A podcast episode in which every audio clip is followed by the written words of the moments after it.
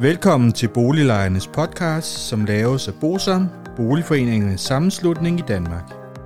Bosam er en engageret og aktiv lejerorganisation, som har specialiseret sig i at bistå og rådgive beboerorganisationer i private udlejningsejendomme og afdelingsbestyrelser i almen boligejendomme.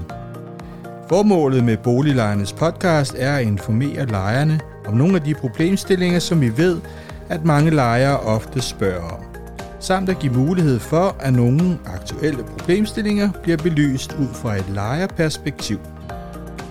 Boliglejernes podcast er lavet af lejere til lejere.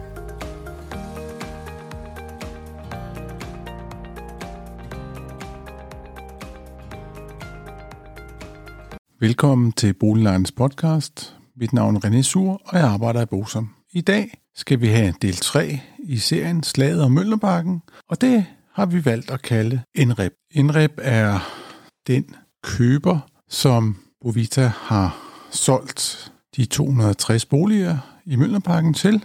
Det vil sige, at Indrep er faktisk kun den ene del, den anden er industriens pension, men nu har vi fokus på Indrep. For at alle kan forstå det her, er det nødvendigt, at vi lige her i starten af serien beskæftige os med de aktører, der er. Selve afsnittet bliver struktureret således, at vi først ser på indrep, så ser vi lidt på nogle af hovedpersonerne, så ser vi lidt på det seneste regnskab, og så ser vi lidt på indreps struktur til slut. Hvis vi skal starte med, hvor det hele begyndte, så blev indrep grundlagt i 2005, og de har forpligtet sig til at lede og fremskynde vejen mod en CO2-neutral ejendomsindustri. Og der vil de så skabe en CO2-neutral ejendomsportefølje i 2050. Dog vil de være allerede i 2028 være CO2-neutrale. Og det er ligesom deres mål, og det er også en af grunden til, at der er mange, især politikere, der mener, at det er nogle af de gode. Derudover så er aktiemajoriteten i NREP, de ejes af en kreds af seniorpartner, hvor Novo Holdings som stør- er største mindretalsaktionær. Og Novo Holding, de er jo 100% ejet af og leverer afkast til Novo Nordisk Fond. Og det er jo så en af verdens allerstørste inden for velgørenhed. Og ved siden af ejerskabet i Enrep, så investerer Novo også direkte i Enreps projekter, og det er så sammen med pensionsfonde og andre investorer. Den øverste chef for Enrep er Claus Mathisen, men mest kendt er nok Enreps udviklingsdirektør, det er Jens Kramer Mikkelsen. Og Jens Kramer, han er jo tidligere overborgmester i Københavns Kommune, og det var han fra 89 til 2004. I perioden, hvor Kramer han var overborgmester, så var det også dengang, at cirka 20.000 kommunale boliger blev solgt fra, og det var jo i forbindelse med, at Københavns Kommune havde store økonomiske problemer. Efter sin overborgmesterkarriere, så har Kramer været administrerende direktør i udviklingsselskabet By og Havn. Det er jo dem, der ejer arealerne i Ørestad og Københavns Havn og Nordhavnen, samt står for havnedriften i Københavns Havn.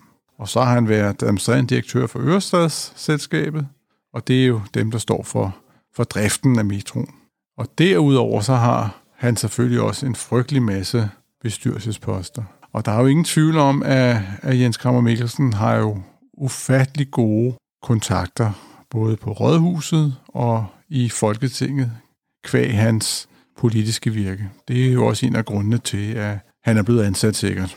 Hvis vi skal se lidt på indrep, så administrerer man ejendommen, som har et samlet areal på mere end 5,5 millioner kvadratmeter.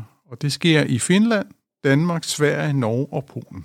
Hvis vi skal forholde os til årsregnskabet 2021, så skriver de selv i deres pressemeddelelse, at de runder 100 milliarder i aktiver, og så giver de organisationen til fortsat vækst. Indrep havde så ved årsskiftet 472 ansatte. Året før var det kun 267 ansatte, og de forventer, at medarbejderstaben er kommet op på 700. Så det er altså øh, en stor organisation, de efterhånden har. Og så har de udnævnt nogle nye partnere og sådan noget. Og der kan man jo sige, at det, der falder i øjnene, det er jo blandt andet en af dem, der er blevet ansat, han kommer fra blandt andet fra Goldman Sachs. Det er jo nogle af dem, der også havde fingrene i kagedåsen i forbindelse med finanskrisen. Nå, det skal vi ikke forholde os til. Vi må nok bare sige, at det er en kæmpe biks, som man øh, er i gang med, og de har da også i 2021 købt en del af jernbanebyen, og de er gået ind på det ti- øh, tyske marked i forbindelse med, med et opkøb af en specialist inden for ejendomskredit, og der er snart det ikke det inden for ejendommen, de ikke har mere at gøre. Blandt andet har de åbnet dørene, som de skriver, for koncepter inden for friplejehjem, studiebolig og kontor. Og så har de jo selvfølgelig taget det første spadestik til og overleveret de første private boliger i Tingbjerg. Det er Tingbjerg-sagen, kommer vi også tilbage til i et senere afsnit. Det er jo alt det, man kan, kan læse ud fra de almindelige hjemmesider, regnskaber osv. Og det er jo en fantastisk god historie, hvor vi kan se, at de vil være CO2-neutrale, og det vil de fleste borgere, der gerne have, at der bliver gjort noget for miljøet. Det er sådan set meget positivt. Men det, der slår mig, og jeg kan jo ikke lade være at, at nørde lidt i når jeg ser på, på regnskaber og sådan noget. Og det, det vil I jo vide, og jer, der plejer at, at høre det her. Og I vil også vide, at jeg tidligere har lavet en serie omkring Blackstone og det danske boligmarked, og hvor jeg forholdt mig lidt til den struktur, som Blackstone benyttede sig af. Det vil sige, at man har et driftsselskab, som opkøber ejendommen. Ejer af det her driftsselskab, det er så et APS, og ejer af det APS, det er et selskab nede i Luxembourg. Og det vi jo også ved fra utallige artikler omkring Blackstone, det er, at den model gør, at man kan skatteoptimere.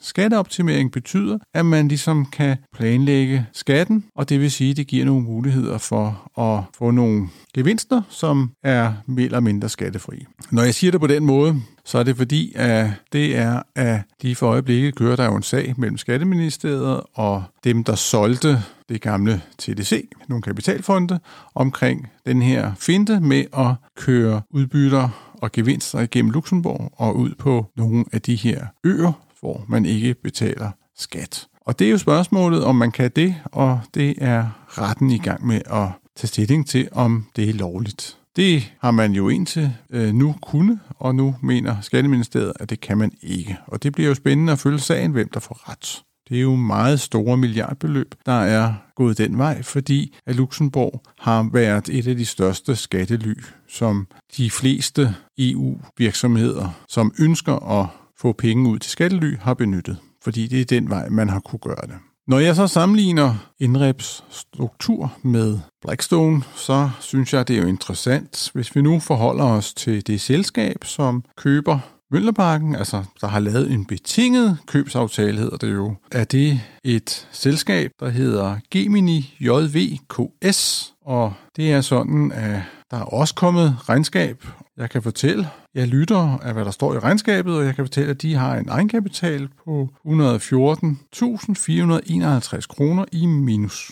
Ejerne af det her selskab, det hedder NREP NSF 4 CIVI, og det er så et KS. De ejer mellem en tredjedel og halvdelen, og så er der NREP NSF 4 Holding 2, og så er det så i Luxembourg, og det ejer mellem halvdelen og to tredjedel.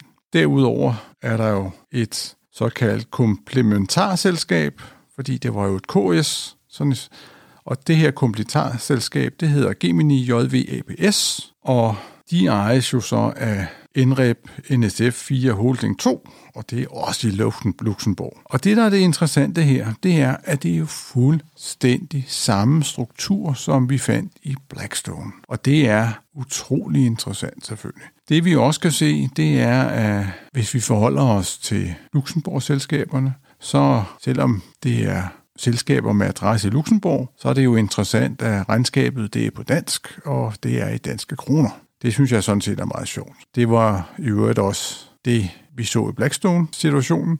Dog var regnskabet på engelsk, og så bare i danske kroner. Men her har man da gjort det nemmere for os andre, at vi ligesom får det på dansk også. Og man kan ovenikøbet sige, at i nogle af selskaberne her, der står det både på dansk og på engelsk. Så det kan næsten ikke blive meget nemmere. Det er pusserløjeligt, at et Luxembourg-selskab afleverer et regnskab i danske kroner.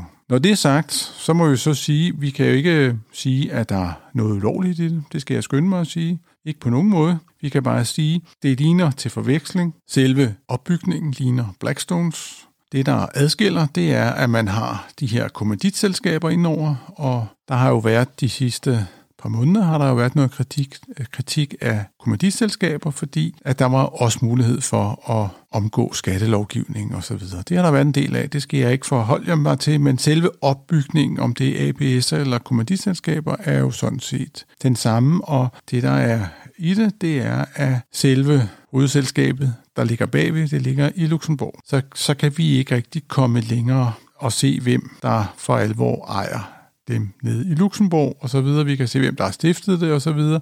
Og det er jo de samme personer, der går igen. Det vil sige, at det virker jo selvfølgelig som en meget kunstig opbygning, hvis det ikke var for skattemæssige grunde, at man har lavet den struktur. Om man bruger den, det skal jeg ikke kunne sige, men det kunne jeg jo heller ikke sige i Blackstone tilfælde. Vi kan jo kun sige, at det er den måde, som kapitalfonde ligesom benytter fordi så på den måde har de haft mulighed for i mange år at komme uden om skattesystemerne og køre udbytterne og gevinsterne i skattely. Men vi kan ikke vide, om NREP bruger den samme.